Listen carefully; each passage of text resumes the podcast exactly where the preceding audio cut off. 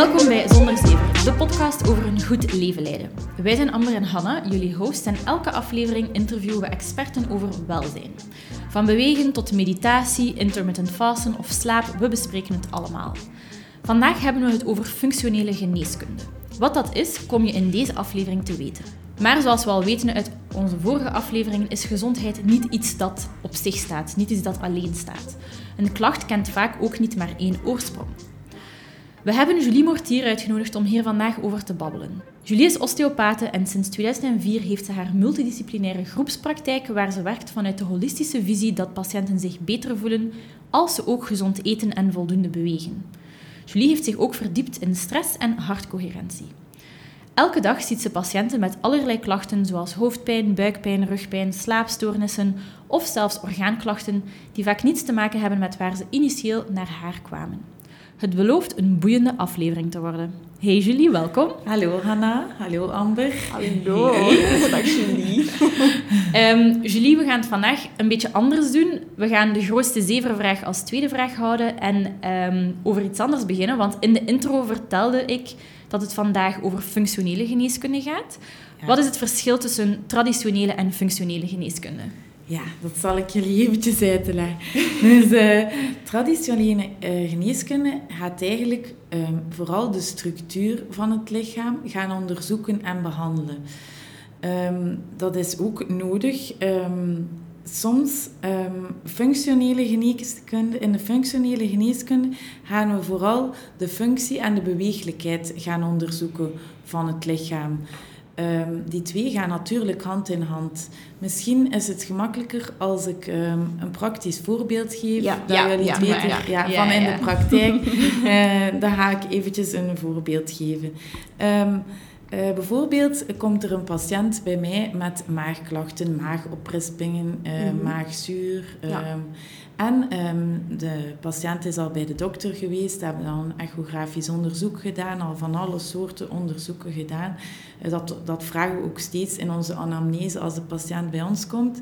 En uh, er is niks te vinden. Um, de structuur, niks structureel. Nee, niet ja. structureel. Dus de structuur is eigenlijk intact. Dan komen die mensen vaak bij ons aankloppen en uh, met de vraag: ja, we hebben eigenlijk alle dagen maagpijn, maar we zijn bij de dokter geweest en al verschillende onderzoeken gedaan, maar er is niks te vinden. Alles, de structuur blijkt intact te zijn. Ja. Dan kan het eigenlijk zijn dat de patiënt klachten heeft omdat de functie verstoord is. En dat gaan we nu net als osteopaat gaan onderzoeken. Is, um, we gaan de, de patiënt onderzoeken functioneel. Dus waar dat de beweeglijkheid weg is of verstoord is. Um, en als die beweeglijkheid weg is of verstoord is, dan gaan we die gaan herstellen aan de hand van verschillende technieken. Uh, zachte manuele technieken, dus altijd met onze handen. Nu concreet het voorbeeld voor de patiënt met de maagklachten is heel vaak dat het middenrif, het diafragma, gespannen is. Of hyper, uh, ze noemen dat de hypertone diafragma. En dat is ook vaak gekoppeld aan blokkades van de dorsale wervelzuil. Mhm. Mm -hmm. En als we dat dan gevonden hebben, dan gaan we dat dan ook gaan behandelen. En dan zien we als we het middenrif ontspannen en de dorsale wervelzuil vrijmaken, dat ook de maagklachten verbeteren. Want mm. de maagstructuur, de bezenuwing, alles loopt door het diafragma en door het middenrif.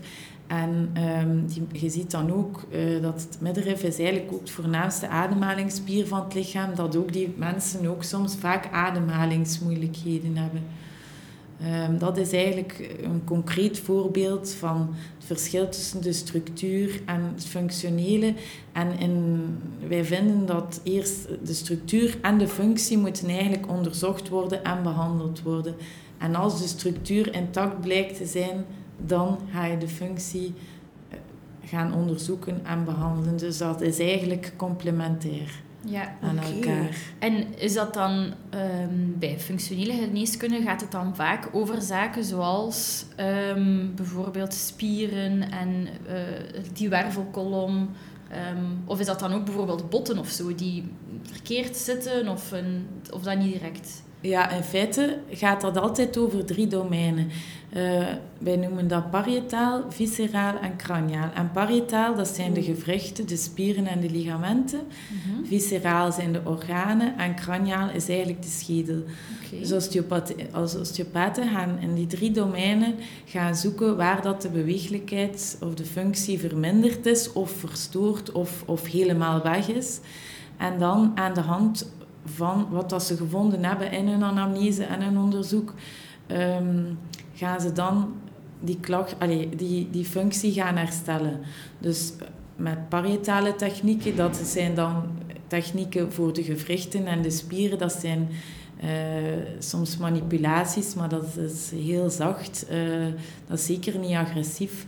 Uh, viscerale technieken zijn bijvoorbeeld op middenrif, de darmen. Mm um, en craniaal, dat is eigenlijk de schedel. Dat ja. je vaak met hoofdpijn te maken en nekpijn. Ja. En, dus eigenlijk, functionele geneeskunde gaat het lichaam zien als meer als één geheel dan traditionele geneeskunde. Ja, want als we die drie domeinen onderzocht hebben en behandeld hebben, parietaal, visceraal en craniaal, als je daar dan de beweeglijkheid verbeterd hebt in die drie niveaus, dan ga je zien dat het lichaam een algemene doorbloeding en bezenuwing heeft die verbeterd is.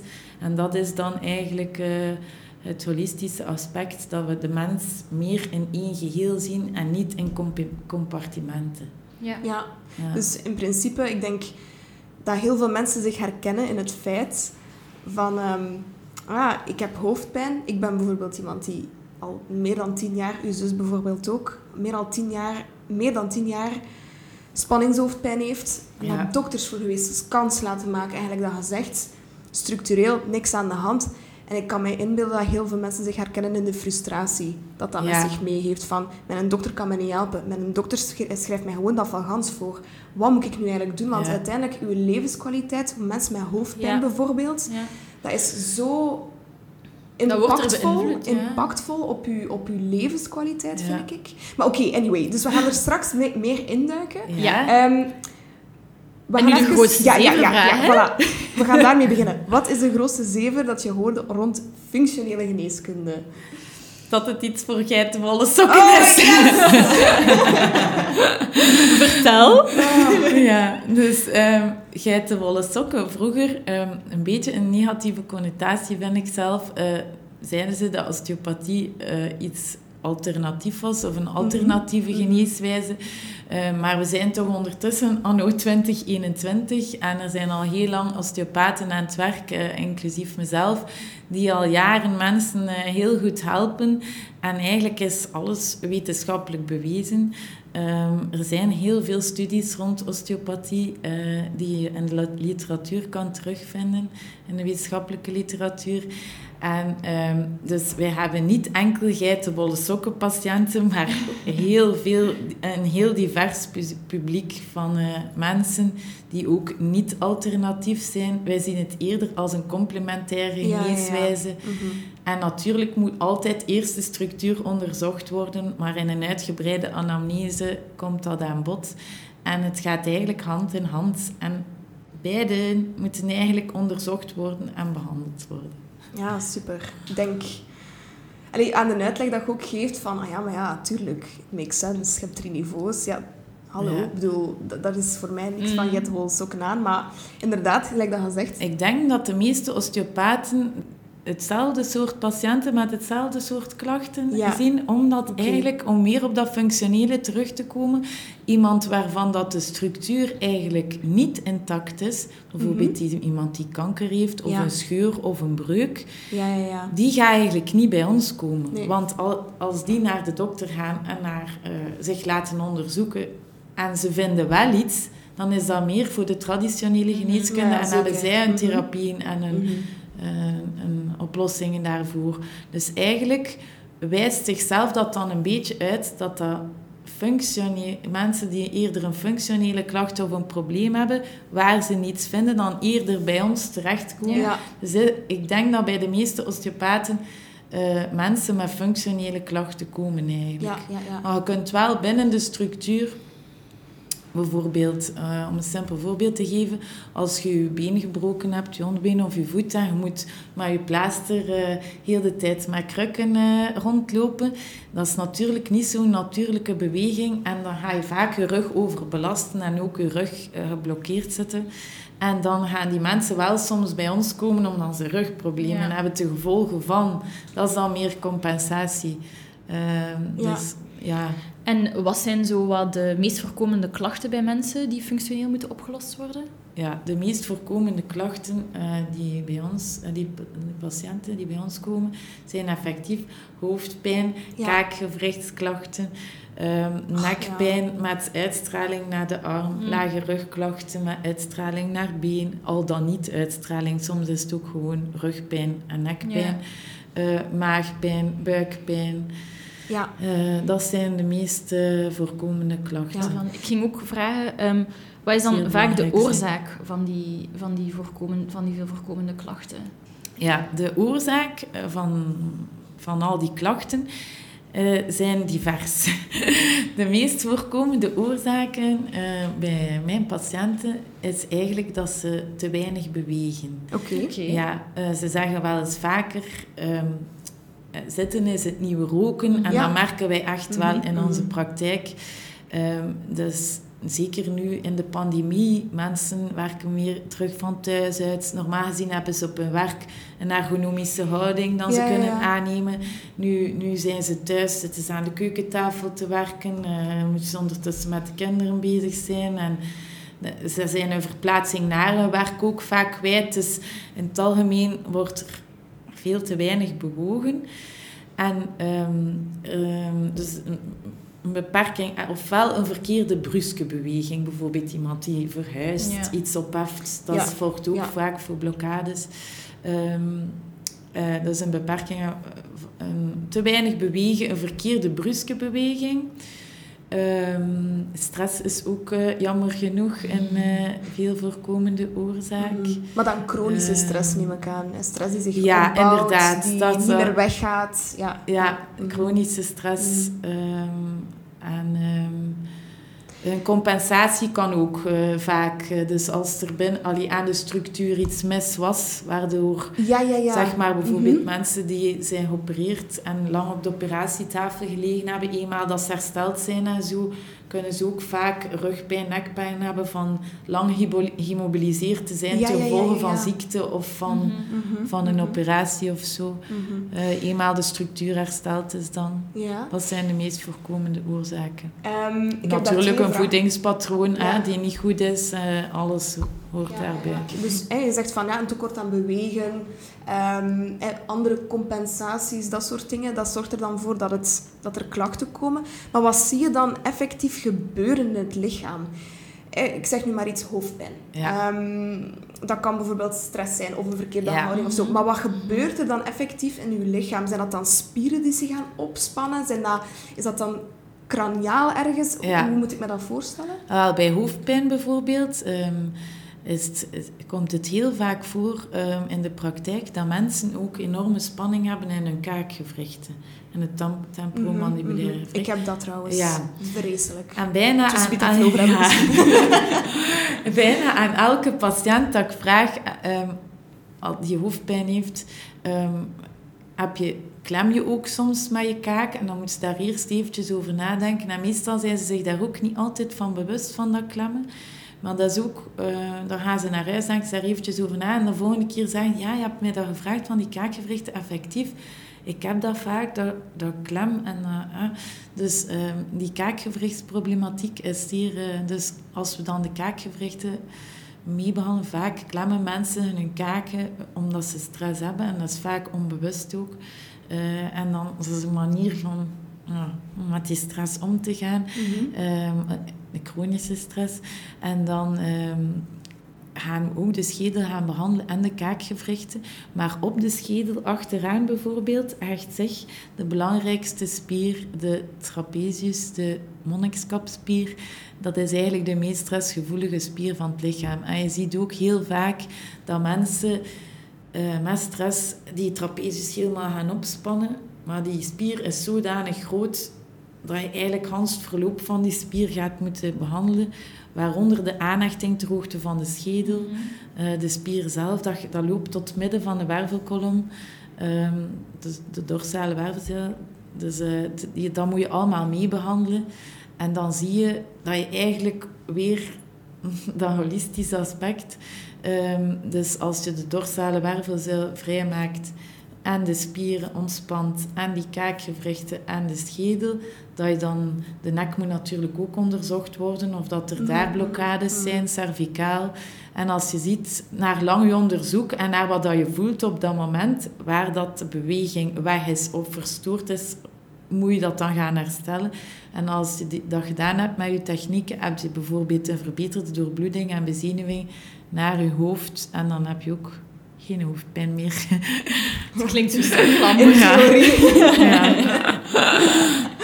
ja, nee, maar mega boeiend. Ja, ik denk dat we heel veel kunnen vertellen. Zijn er bijvoorbeeld zo wat... Je sprak daar net al over um, reflux. Uh, zijn, er, zijn er zo van die bepaalde traditioneel, traditioneel niet, maar zoveel voorkomende cases waar je over kan vertellen van ah, iemand is in mijn groepspraktijk binnen geweest. Om de mensen zo wat te laten voelen van voor wat kunnen ze allemaal daar bij jou terecht en, en, en wat, aan wat ligt het dan? Of, ja. Als je begrijpt wat ik bedoel. Dus de hoofdpijn en kaakgewrichten is een heel uh, vaak voorkomende klacht, zeker met corona en de pandemie, mhm, mhm. omdat uh, mensen ja. ja. veel zitten. En, ja. Mhm. Maar ook lage rugpijn bijvoorbeeld, um, met uitstraling naar de bil of naar het been. Okay. Um, dat is best ook dat we dan eerst de structuur onderzoeken, um, of dat er daar geen uh, hernia is, of, ja. of geen... Ja, dus, dan gaan we de beweeglijkheid onderzoeken van de lage rug. En vaak zie je dat er dan eigenlijk een blokkade is ehm, van ja, de onderste ruggenwervels. Mhm. En vanuit de onderste ruggenwervels vertrekt een zenuw, de welgekende nervus ischiadicus, die loopt naar het been, naar de achterkant van het been. En die loopt ook onder de bilspier, de piriformis. En dan mhm. zie je heel vaak mensen die soms zeggen oh, ik heb altijd maar pijn in mijn zitvlak of uitstraling in mijn been. En dan, maar eigenlijk is dat gevolg van... Dus dat ik zei, geblokkeerde, ja, ja, van de geblokkeerde wervels in de onderrug. Oké. En je ziet dan, als je de onderrug gaat behandelen en de wervels vrijmaakt en eigenlijk ruimte maakt tussen de wervels, waardoor dat er minder druk komt op de zenuw, mhm. dat dan ook de pijn uh, vermindert in been en ook natuurlijk die piriformis behandeld. En als je daar ehm, de spanning uit de piriformis haalt, die op die zenuw ligt, zal dat dan ook uh, een, allee, een, een, positief effect hebben op die uitstraling op been. Natuurlijk ook eerst altijd de structuur onderzoeken en kijken of het uh, geen discus hernia in dit geval is. Of, uh, ja. Zo, van die geblokkeerde wervels, um, dat is iets dat ik wel ook al veel gehoord heb.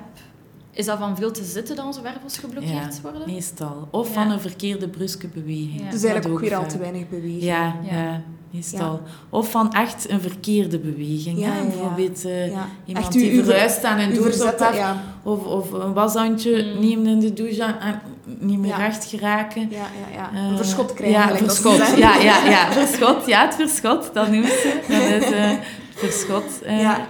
Ja, dat komt toch ook heel vaak voor bij ons, mensen met verschot. En natuurlijk hebben we ook veel uh, zwangeren en uh, baby's. Ja. Uh, en zwangeren hebben ook vaak bekkenblokkades of problemen in het bekken en de lage rug, de gevolgen van ja, de baby. Ay, ja, het zal wel. Allee. Ja, pakt het gewicht. Ja, voilà, ja, pakt ja, ja. wel plaatsen. Ja, ja oké. Okay.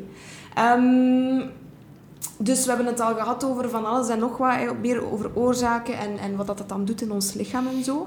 En dan zijn we inderdaad meer curatiever bezig. Ja. je bent ook een hele grote voorstander van preventie. Hè?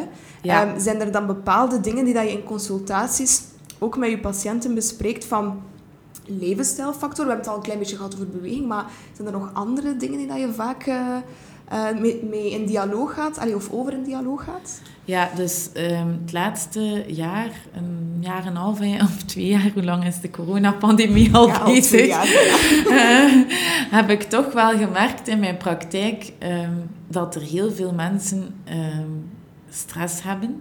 Dat is ook een oorzaak van mm -hmm. veel klachten. Ja.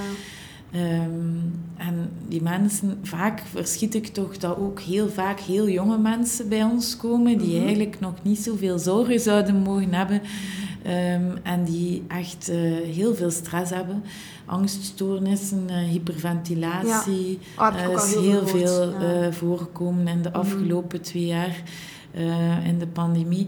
En meisjes of jonge mensen die eigenlijk anders ja, moest de coronapandemie er niet geweest zijn, waarschijnlijk niet bij ons uh, moeten komen zijn. En dus ben ik toch beginnen nadenken over dat fenomeen stress.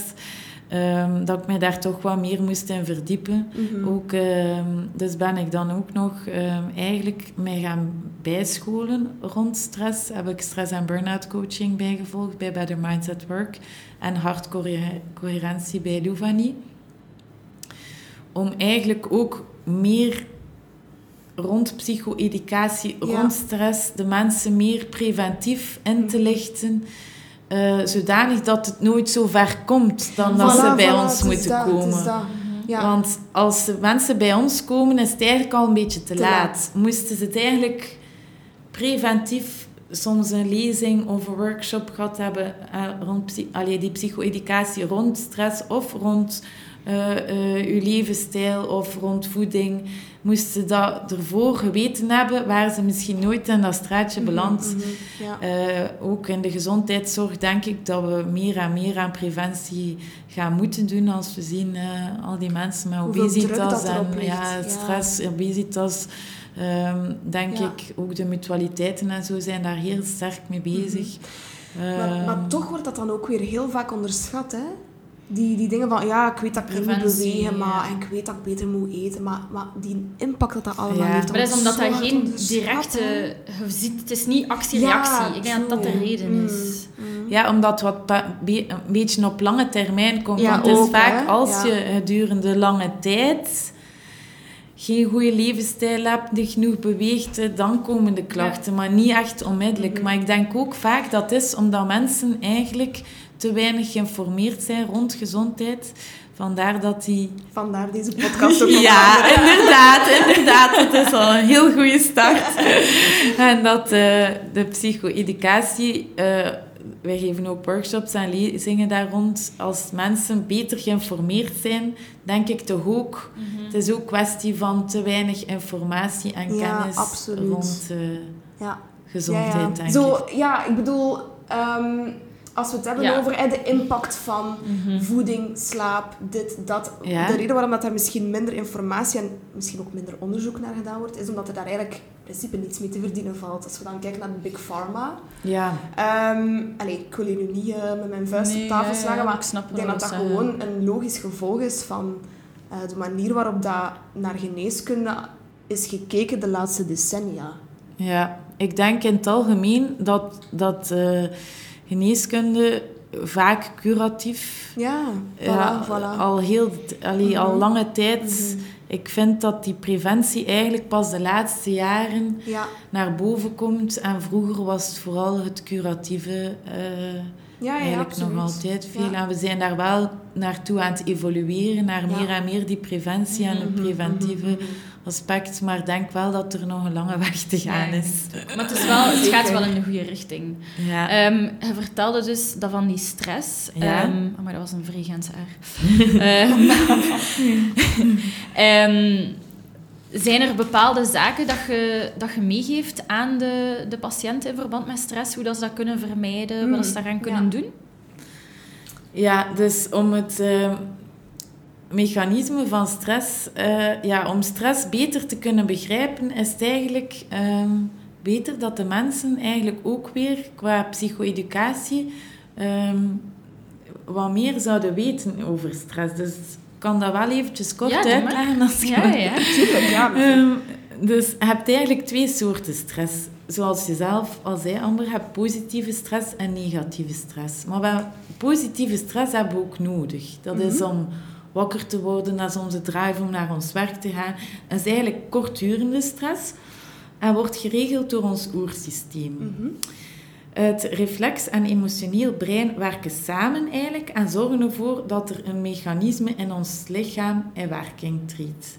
Ja. Het bloed gaat grotendeels naar de spieren en de levensbelangrijke organen. Extra suiker gaat naar de bloedbaan. Adrenaline en andere hormonen Ja, komen ja. vrij. Dat gaat ons energie geven en maken dat we in een vecht-vluchtreactie kunnen reageren. Mhm. Denk Mhm. maar als je ehm, warm water... Als er warm water... Ja, ja, u- Die reactie van je hand dat je wegtrekt als er heet water ja, ja. loopt Ja. om je te beschermen. Dat is eigenlijk zo'n vecht-vluchtreactie. Mhm. Maar dat geeft ook energie. Eh, maar dat oersysteem is jammer genoeg ook actief ehm, bij langdurige stress. Angsten, Mhm. emotionele conflicten. Er is dan eigenlijk onvoldoende eh, psychisch en lichamelijk herstel, waardoor me- dat men eigenlijk stilletjes aan uitgeput geraakt.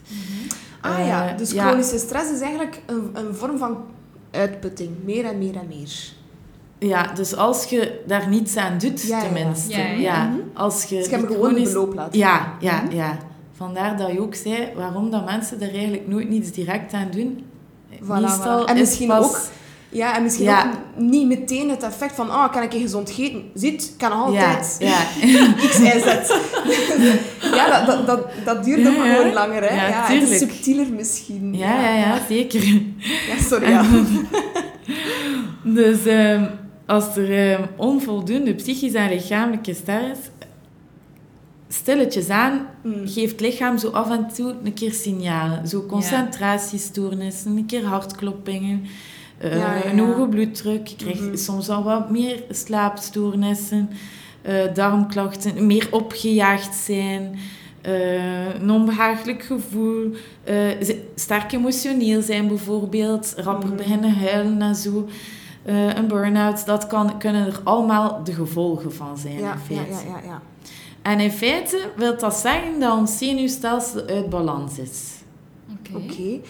En is dat dan over- of onderbelast of zo? Ja, Wat er is geen dan? balans meer. Normaal gezien is er een evenwicht tussen het emotioneel Ja. brein en het verstand. Oké. Maar in dit geval, bij langdurige stress, is ons zenuwstelsel uit balans. Dus gaan we ons moeilijker kunnen concentreren en emotioneel reageren. En we beginnen ons eigenlijk te bevinden in een neerwaartse spiraal. Mhm. Ehm, om dat goed te kunnen begrijpen, moet je eigenlijk beseffen dat het zenuwstelsel, het autonoom zenuwstelsel, eigenlijk uit twee systemen bestaat. Uit het orthosympathisch systeem en het parasympathisch systeem. Dat zijn wel twee moeilijke woorden. Dus het orthosympathisch systeem is eigenlijk ons gassysteem. Parasympathisch, Go, sy- ja. go. Parasympathisch systeem is ons remsysteem. Normaal gezien is dat redelijk in balans en kunnen we redelijk in balans functioneren. Bijvoorbeeld, je orthosympathicus heb je ook nodig, je gassysteem, om wakker te worden, like dat zei, om naar je werk, je drive, alles. Ehm je remsysteem is het omgekeerde. Dat is om in slaap te vallen, rustig te worden. Mhm. Maar bij de meest, bij langdurige stress Ja. is vaak de gas te actief en wordt de rem te weinig aangesproken. Waardoor dat, dat systeem uit balans is en dan heb je eigenlijk allerlei symptomen met gevolg. En bij, gas, bij dat gassysteem eh, is bijvoorbeeld een versnelde ademhaling, je hartritme gaat naar omhoog, je hart gaat sneller staan, meer suiker in het bloed en de spijsvertering gaat vertragen. Ja.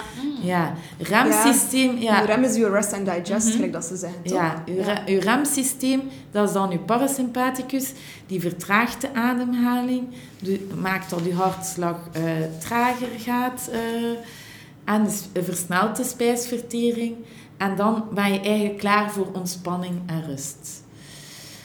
Dus ja, als we in die sta- ons, ons in die staat bevinden, ehm, is dat eigenlijk niet goed. En op Mm. lange termijn eh, geeft dat veel problemen.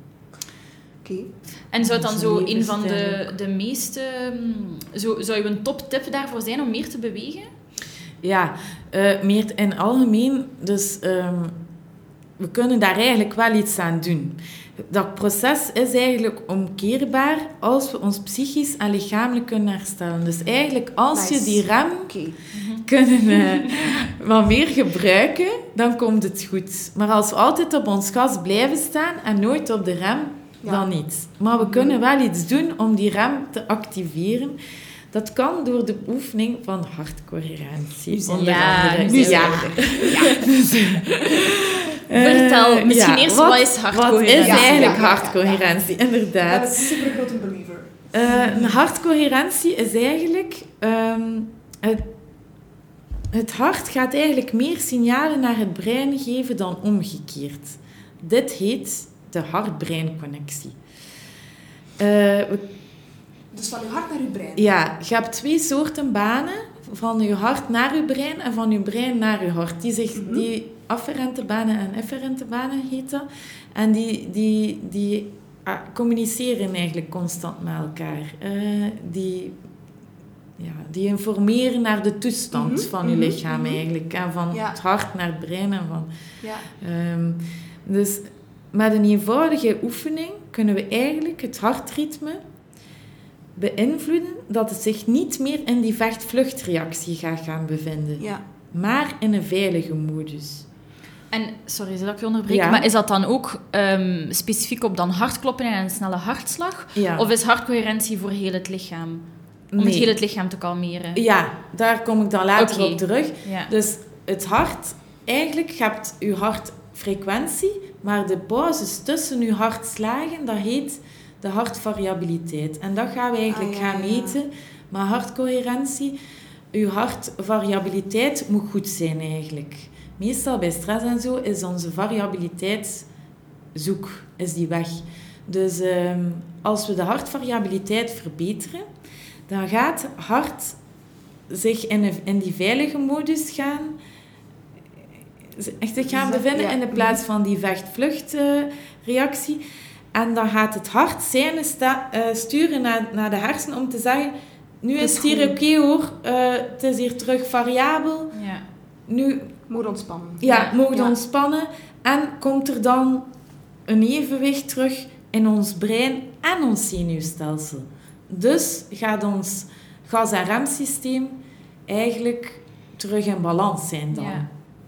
Oké. Ja. Maar ik vind het wel interessant omdat je zegt van uw hart is primair naar uw brein, niet omgekeerd. Er zijn meer banen van het hart naar, naar het brein, brein, dan van het brein naar het hart. Dus je ja. kunt het brein beïnvloeden als je het hart variabeler maakt. Voilà. En dat is dan super zot. Maar dat is misschien ja. ook waarom dat meditatie zo maar goed werkt. Ja. Omdat meditatie je kalmeert, zorgt voor een kalmere hartslag. En dat geeft dan een, een uh, teken naar je brein. Dat is meer met de alfa, beta en gamma-golven te maken ah, ja, ja, in het brein, waar dat waarschijnlijk professor Larijs al al over gesproken ja, heeft. Ja, heeft daar heel kort... Uh, maar ik, ik, ben me bewust van inderdaad de verschillende... gaat zo delta en theta zelfs en zo. Maar ik denk, wat, dat, wat dat vooral hier super interessant is, is dat wat dat eigenlijk zich in je hart afspeelt... Ja. En mensen kunnen dat misschien symbolisch nemen ook, want uiteindelijk heeft het daar ook allemaal mee te maken.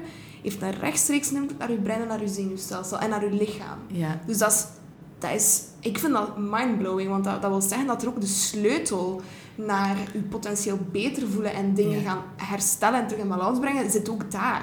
Ja, en dat is ook een zeer praktische tool ja, om eigenlijk thuis voilà. toe te passen. Omdat je vroeg, wat, wat geef je dan van advies aan je patiënten? Is eigenlijk, uh, we hebben daar een biofeedbackmeter voor. Dat is eigenlijk ja. een toestel die je dan kan koppelen aan je computer. Um, en dat is verbonden met het oor van, van de mensen. Daar, uh, dat is, die hartcoherentie wordt zo getest. En het is ook zeer uh, confronterend voor de mensen als we dan gaan meten hoe het zit. Want mensen zeggen, oh, ik heb geen stress, ik heb geen stress. Ja. Maar als ze dan echt met de biofeedback-meter gaan meten dat is ook wetenschappelijk bewezen. Er zijn heel veel uh, wetenschappelijke studies rond gedaan, rond hartcoherentie en rond uh, dat biofeedback-systeem. Dan kan je eigenlijk zien, zwart op wit, hoe het met je variabiliteit gesteld is. En ook, um, het is eigenlijk een heel simpele oefening om die variabiliteit terug te bekomen. Het is eigenlijk een ademhalingsoefening. En je moet dat eigenlijk een paar keer, om tot een, allez, een betere variabiliteit te komen, moet je eigenlijk drie keer per dag uh, zes minuten oefenen. En vooral... Dat is niet lang. Ja, dat valt nog mee, hè. En, uh, en dan zie je dat ook, op dat, als je aan de biofeedbackmeter hangt, zie je eigenlijk ook, terwijl dat je aan het oefenen bent met je ademhaling, uh, want de uitademhaling moet eigenlijk langer zijn dan de inademing, ja. om mm -hmm. dat remsysteem te activeren. En je ziet effectief op dat scherm als je langer uitademt dan inademt, zie je je hartvariabiliteit verbeteren en kan je eigenlijk ook je gas- en remsysteem ook daarop zien. Dat normaal het gas helemaal in rood was en het remsysteem laag, zie je dan door die ademhalingsoefening, als het, als het hart variabeler wordt, dat ook die balans van dat zenuwstelsel geactiveerd wordt en dat dat rood plots minder rood wordt en groen en dat je meer in balans bent. Dus, um... die, die, dat principe van je inadem moet minder lang zijn dan je uitademen, dat is wel een hele praktische en, en goede voor de mensen thuis. Want als je ademt, zorg ervoor, check die zin met jezelf. Zeg jij heel hard aan het inademen? Zo, ja. Dat, of zeg jij eerder, en je kunt dat heel snel corrigeren en gewoon vier tellen in en probeert er zes, zes uit. uit. Ja, inderdaad, vier in, zes uit. Maar dat is, dat is super je weet, dat werkt. Dat is super praktisch, pragmatisch. Dus ja, dat is eigenlijk een heel simpele oefening die iedereen kan doen thuis. En je hebt daar ook wel apps voor die jou kunnen daarbij helpen. Zo mhm. voor iPhone is dat Cardia, Cardia of de Breathing app. Ja. Um, en voor uh, Android is dat Paced Breathing. En dan kan je dat eigenlijk gewoon drie keer per dag oefenen. Het moet wel liefst zes minuten zijn. Ja. En dan kan je voor goed getrainde mensen overgaan naar twee keer tien minuten per dag. Natuurlijk, dat gaat ook niet van de ene op de andere dag. Daar moet je wel een tijdje voor trainen om dan tot een betere variabiliteit te komen. En um, je gas- en je remsysteem gaan dan ook beter in balans zijn en je brein ook. Dus ja. dat is eigenlijk uh, een praktische Top. tool ja. om zo Oké, okay, interessant. Ja. Ik heb misschien nog eentje, eentje voor de mensen thuis. Ik weet niet, heel veel mensen hebben zo van die, um, van die armbandjes met die bolletjes aan. Ah ja? Allee, bon. Zo armbandjes met, met allemaal um, steentjes. Zo van die Buddha bracelets zo. Hm, ik weet niet. Allee. Nee? nee? Zo van die dat zijn zo rekkertjes en ja, dat begint dan ergens. Eigenlijk is dat zo'n... Ah, zo lijkt wel hout. Ja, ah, ja. ja zo'n paternoster eigenlijk, maar... Ah, ik denk dat ik weet wat dat jij bedoelt, is de ademarmband. Ah, nee, Er bestaat ook een ademarmband. Ah, maar wat ik doe, is... Je hebt dan zo een, een, een beginstukje. En als ik mij echt super gestrest voel, dan zeg ik... Oké, ik pak mijn armband vast. Echt letterlijk een paternoster. Ja. En dan zeg ik, oké, elk bolletje is vier talen in en zes talen in. Ja, en zo gaat rond. En ik ga rond tot ik terug aan het begin zit. En tegen dan ben ik ongeveer toch wel een kleine tien minuten bezig. Ja. En dan, ja... Dus als, je, als de mensen thuis zo'n armbandje hebben... Ja, ah, wel, in feite kan je dat inderdaad heel simpel maken. Er bestaan zo ademarmbanden. Je kan dat zelf googlen, denk ik, hoe dat je dat zelf kan maken. Dan eigenlijk dus de kleine bolletjes zijn dan de inademing en de grote ja, bolletjes de uitademing. En dan is het 1, 2, 3, 4 kleine bolletjes en dan 6 uit. En dan zo iedere keer opnieuw. En dat is ook als je zo in een vergadering zit of zo. En het is een beetje stressy, kan je dan ook onder tafel, onder een beetje... Uh, ja.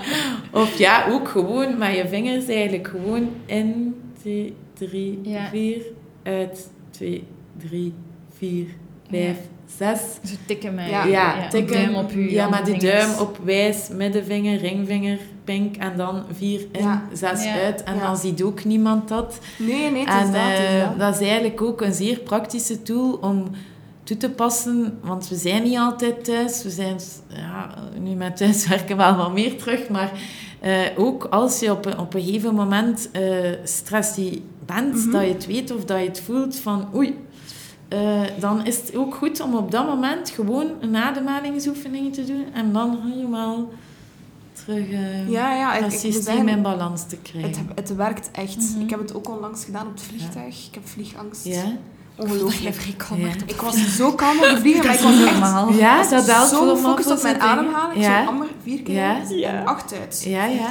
Ehm, ja, en dat werkt echt supergoed. En als je dat niet gelooft, dan moet je gewoon eens proberen. Want Ja. het is echt, Mhm. ja, je kunt daar niet omheen. Dat helpt Ja, wel. Of vaak als mensen eh, slaapproblemen hebben, die, ook, ja. Mm. die wakker worden bijvoorbeeld en dan een beetje aan het piekeren zijn of niet direct in slaap kunnen vallen, raad ik ook aan aan die patiënten, doe dan eventjes een ademhalingsoefening of om in slaap te vallen. Want ademhaling wordt eigenlijk ook echt heel veel onderschat. Dat is samen met die beweging. Hè. En iedereen En de heeft het, hè. It's free, Ja. it's kunt overal doen. available, Ja, zwaar. overal. Ja, Ja. dat, Dat is echt eh, zot. heel praktisch Ja, en ja, gemakkelijk zeker. eigenlijk. Ja. Ja. Oké. Oké. Ik eh wil graag nog eens inpikken ehm, op de wervelkolom en de organen. Ja. We hebben het daarover eh, samen gehad aan de telefoon. Ik vond dat heel Ja. interessant. Ehm, dus dat we het hadden over het feit dat soms mensen naar jou komen met bijvoorbeeld bepaalde, bepaalde klachten aan hun, aan hun organen, maar dat dat heel vaak gelinkt is aan de wervelkolom. Ja, dus ehm, de- als er een storing is in de beweeglijkheid van de wervelzuil, dan kan die mede verantwoordelijk zijn, want je moet wel altijd Mhm. ook in je anamnese kijken of dat er geen andere, natuurlijk kijken of dat, dat aan de oorzaak is. Eh, die, dus de wervelzuil kan mede verantwoordelijk zijn voor een slechte werking van de organen, maar ook vice versa. Nou, een keer een voorbeeldje geven, ook terug een praktijkvoorbeeld. Ehm, van iemand, ehm, van een vrouw die bij mij kwam en ze zei, ja, ik heb zo rugpijn, ik heb zo rugpijn en dat betert maar niet. En ook, ze hebben terug alles onderzocht, we hebben foto's genomen van de rug en er is niks, ze vinden niks. Maar ja, ik heb toch elke dag rugpijn en dat is echt lastig. En dan, ehm, dus eerst zijn anamnese en de structuur bleek helemaal intact te zijn. En dan tijdens mijn onderzoek, mijn osteopathisch onderzoek naar de beweeglijkheid hè, van het parietale viscerale systeem, ga ik gaan onderzoeken en vind ik eigenlijk parietaal niks. Dus zit er geen wervels vast. Geen Eh, spieren. geen ja. was dat eigenlijk redelijk oké. Maar als ik dan mijn visceraal, de darmen onderzocht, dan voelde ik heel veel spanning. Oké. Spanning in de darmen dan, specifiek? Ja, dat was bij die Mhm. mevrouw Ja. nu specifiek. En dan als je Ja. vraagt aan mevrouw, heb je soms last van je darmen? Ehm, ga je niet goed naar het toilet of heb je constipatie? Ah ja, het is eigenlijk waar. eh, ik ga al lang niet meer goed naar het toilet en ik heb eigenlijk wel constipatie. Ehm, en dan, ja, het is eigenlijk wel sinds dan dat dat begonnen is. En, ja, dus als je dan de darmen vrijmaakt en maakt dat de spanning weg is uit het middenrif, en, hè, dan zie je in dit specifiek geval Ja. dat die mevrouw, haar rugklachten waren dan eigenlijk weg. Oké. Ja. Dus Dus- dat is eigenlijk... Het is allemaal te zien in uw onderzoek, parietaal visceraal crania, Ja. waar dat je weer... Het komt altijd op hetzelfde neer. Mhm. Beweeglijkheid of geen beweeglijkheid. De structuur is intact, moet intact zijn. En Mhm. daar ga je dan in je onderzoek gaan voelen eigenlijk. Want een osteopathisch onderzoek is met de handen. Mhm. Dan gaan we echt gaan voelen aan de structuren van waar eh, beweegt dat goed, waar beweegt dat niet goed. En waar dat, dat goed of niet goed beweegt, moeten we daar gaan naar staan. Ja. En bij die mevrouw was dat nu eigenlijk haar ook naar de voeding informeren. Het is natuurlijk ook vaak dat de voeding Ja. Mm. eh, ook, of dat Beter er kan. intolerantie is. Maar dan werken wij samen met mensen eh, die dan meer ge- gespecialiseerd zijn in de voeding en Ja, die dat ja, dan ja, gaan onderzoeken of dat er geen intoleranties zijn of allergieën. Of, Mhm. eh, Dus in plaats van te zeggen, ah, maar madameke, pakt jij dan drie davagans per dag? Dat mag, hè? Dat mag ook, hè? Drie gram davagan per dag. Chronisch, voor de rest van je leven. Ik weet gelijk niet. Ik zou gelijk ook niet kennen een osteopaat. Weet- Nou, maar dat. Maar ja, nee, maar ik, ik, dat, dat is denk ik de grootste takeaway van... Als je zo iemand zijt thuis die zoiets zegt van... Ja, ik krijg van mijn dokter dat antwoord. En dat is oké, je mag dat... Doe ermee wat je wilt. Maar dat er ook additionele dingen zijn, of mensen zijn waar je ook een keer kan, naar Ja. kunt gaan Het luisteren. is En dat inderdaad ook vaak onwetendheid. Ja, Soms ja, van mensen die zeggen van... Amai, ehm, ik, ik wist niet dat jullie zo werkten en, en dat dat daarvoor kon helpen. En ja, dus het is eigenlijk ook weer... ehm, kennis. En, Mhm. en ja, te- er wordt eigenlijk te weinig over gecommuniceerd. En er is Mhm. eigenlijk soms vaak te weinig kennis van hoe wij werken en wat dat we eigenlijk allemaal doen. Ja, ja. Waardoor dat de mensen dan niet bij ons belanden. Of, eh. Maar gelukkig, eh, allee, ik zeg het, we zijn anno 2021. Gelijk, eh, dat is wel enorm geëvolueerd, want dat, dat is allemaal van mond tot mond ook. Dat is echt wel niet meer gelijk in 2004 laat staan. Van, in, Van eh, ja, ja. van ervoor Mm. in de jaren 90 of de jaren 80. eh. Ja, toen werd die helemaal afgeschilderd als Ja. eh, sokken. ja, Ja. een of andere goeroe of zo. ja, eh, ja, inderdaad. Die dan zo, kom maar een keer mee naar mijn Ja. praktijk. Zo. Ja. Die tijden zijn Ja. gelukkig wel voilà. voorbij. Dat is ook wel al heel lang geleden, moet ik Ja, eerlijk zeggen. ja, ja, ja. ja. Superboeiend. Je hebt gesproken over een, een brein-hartlink. Ja. Maar ik dacht dat er ook een brein-darmenlink Ja. bestond. Er is een hart-brein-connectie, Ja. maar er is ook een darm-brein-connectie. Ja, ja. Dus darm-brein-connectie is eigenlijk ehm, in de darmen, dat is een, micro, een microbioom, dat zijn eigenlijk micro-organismen. Vroeger spraken ze over de darmflora, maar nu tegenwoordig meer over microbioom. Dat is eigenlijk een verzameling van micro-organismen. En daar moet normaal gezien ook een evenwicht in zijn. Als dat niet zo het geval is, ja, dan worden ook terugzijnen. Er zijn ook eh, hormonen in de darmen, heel veel cellen die ook ehm, terug weer signalen geven naar de hersen over de toestand van ons lichaam. Eh, die zijn heel veel onderzoeken naar ook eh, de, het psychisch welzijn in verband met Ja. de darm. Eh, Ja, er zijn ja. heel veel onderzoeken naar Dat gebeurd al. juist. En zijn ze ook nog heel veel eh, mee bezig eigenlijk om eh, Mhm. dat wetenschappelijk te funderen Mhm. eigenlijk. Weet je wat er nog in de food pharmacy boeken stond? Herinner je dat nog? Wat dat er stond van zijn. microbioom en, ehm, en mentale gezondheid. Weet je dat nog? Er stond in dat er ehm, bij mensen die suïcidaal zijn, mensen met Ah, dat zelfmoordneigingen, die... Ja. dat er altijd een, eenzelfde soort eh, populatie van bepaalde bacteriën in de darmen te vinden Ja. zijn. Mhm. Dus ze hebben dat ook onderzocht. Dus dat wil zeggen eigenlijk dat mensen die, die, die delen allemaal, allee, allemaal, durf dat niet zeggen, maar die delen blijkbaar toch Bepaalde stam. bepaalde ja. stammen van bacteriën, Ja. zijn dat dan zeker. Mhm. Ehm, Die micro-organismen, hè? ja, ja. maar dat is echt, als je daarover nadenkt... Ja, Maar daar is echt een groot onderzoek naar. Er is zo, ik heb onlangs naar een podcast geluisterd en daar spraken ze over de Smiles Trial. En dat was dus een eh, groep dat ze genomen hebben met depressieve klachten. Ehm, en die, die namen antidepressiva.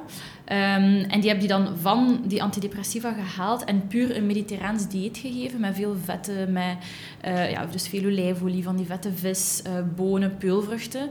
En een derde was na drie maanden volledig vrij van depressieve klachten. Dus ja. Ja. nog eens bewijs dat inderdaad, als je je darmen goed voedt... Dat is dan die darm-brein-connectie. Ja, Ja. voilà. Maar, in een Maar het is niet alleen die, dat microbiome en zo. Het is Mhm, nog een, tuurlijk, ja, nog andere... Je hormonen en zo, ja. Ja. je serotonine wordt ook de grote Ja, deel zelfs aangemaakt in je darmen. ja, Hè? ja. Ja. Dus, eh, het is een heel complex systeem, de Ja. darmen. Maar er wordt wel veel, meer en meer onderzoek ook naar Ja. gedaan. hè, nu van die en darmen, ook die link gelegd, vooral ja, nu. Ja, ja. Ja, Dus eigenlijk Ja. is zo je brein, je hart, je darmen, Ja. en dan kun je al zo Inderdaad. van Ja, de goede ja, start, ja, zo ja, gezegd. Allee, het is, het complexer ja. dan dat, maar... Het is waar, hè, het is ja, waar. Ja, Ja. oké. Nee. Ehm, we gaan het zeker nog over darmen hebben, hè, Hanna? Ja. Hopelijk. In eh, seizoen 3, als we gaan terugkomen, gaan we iemand uitnodigen om ons volledig onder te dompelen in de wereld van eh, de darmflora en Ja. microbioom. Hebben we al verteld dat we een derde seizoen gaan maken? Nee, dat hebben we niet verteld. Oh. We gaan hier op het einde zeggen. Dat is goed nieuws, dat is goed nieuws. Oké. Hebben we nog vragen voor Julie vandaag? Nog Er is nog... Ja, vragen. dat we nu nog kunnen... Maar ik denk dat we echt wel eh, een heel goed... Allee, het doel was een beetje om een beeld te krijgen van Ja, functionele geneeskunde. Ja. ja. Waarvoor dat mensen bij u terechtkomen, wat dat zo wat de, de, de meest voorkomende dingen zijn. ehm, wat, wat Mhm. linken tussen bepaalde dingen in uw lichaam en levensstijlfactoren. Dus ik denk dat we daar wel in geslaagd zijn. Om Ja. dat... Oké, vrij goed. Julie, ehm, waar kunnen mensen u terugvinden? Ehm, Mhm. dus ik heb eigenlijk een multidisciplinaire eh, groepspraktijk, die heet Osteopathie Gent. En we hebben ook een website www.osteopathiegent.be of een Instagram of Facebook pagina die ook Osteopathie Gent heet. En ehm, voor onze lezingen, workshops, um, dat wordt meestal via Instagram, maar nu eventjes met corona, met de vierde golf, uh, gaat dat nu live eventjes niet door. Maar normaal gezien geven we ze ook uh, rond, dus die psycho-educatie, workshops en lezingen daar rond, gekoppeld aan dan oefeningen, aan ook het praktische. Uh, maar nu eventjes uh, in de vierde golf uh, dus niet. Maar vanaf het voorjaar gaat dat terug doorgaan. Maar het is eigenlijk best dat je de website of de Instagram-pagina of de Facebook-pagina in de gaten houdt. Um, en een woordje uitleg over hartcoherentie kan je ook op de website vinden, ons team. Ja. alles eigenlijk, de uitleg staat er allemaal op. Ja. ja. Dus we zullen dat linken ook nog. We zullen alles linken. Ook de apps dat je er juist uh, aanhaalde voor de hartcoherentie. Ja. Ik denk dat hartcoherentie ook enorm goed gedocumenteerd staat op het internet. Ja, zo, je dus. kan ook een boek daar rond lezen, is uh, Blijven Ademen van Louis mm -hmm. van Nieuwland. Oké. Okay. Um, er is aan. ook um, een boek, um, Jouw brein als medicijn. Uh, die mm -hmm. eigenlijk ook wetenschappelijk die link Van wie is dat? Ik denk dat ik dat aan het lezen ben.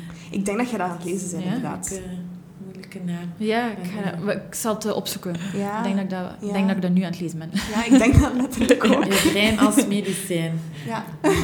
Dat is een moeilijke okay. Ja. We zullen het opzoeken. Ja. Oké. Okay. Um, goed, nu over het derde seizoen, hè, Amber. Dus dit was onze laatste aflevering van het tweede seizoen.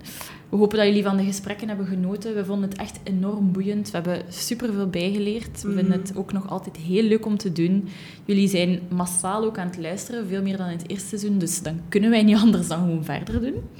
Um, we gaan de komende drie maanden even de tijd nemen om te focussen op seizoen 3 van Zonder Zever. We gaan een keer kijken naar ons brand. We gaan kijken... We gaan zoeken naar sprekers, samenwerkingen. Hoe kunnen we eigenlijk Zonder Zever nog groter maken? Want we merken dat er gewoon echt heel veel...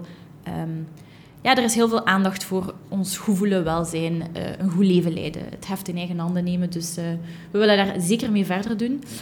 Um, dus drie maandjes even ertussenuit. Seizoen 3 zal niet bestaan uit maar 10 afleveringen, want we gaan gewoon doorgaan tot in uh, december. Dus dat zullen er wel wat meer zijn dan 10. Dus je zult niet op je honger moeten zitten. Geen zomerstop, dat komt er allemaal niet. Um, en je kunt ook zeker nog altijd terug op Instagram, waarbij dat we jullie zullen updaten. Misschien van die kleine mini-podcastjes geven in Instagram Lives. Dus we zullen niet van de aardbol verdwijnen deze drie nee, maanden. Je kunt komt, zeker uh... nog bij ons terecht. Voilà, merci om te luisteren iedereen. Merci om zo massaal te luisteren in seizoen 2. En uh, we zien jullie terug in en seizoen 3. En merci jullie, bedankt dat ik hier mocht komen vandaag. Merci um, om te luisteren iedereen. Ja. En uh, we zien jullie in seizoen 3. Hè. Bye bye. Tada. Dag.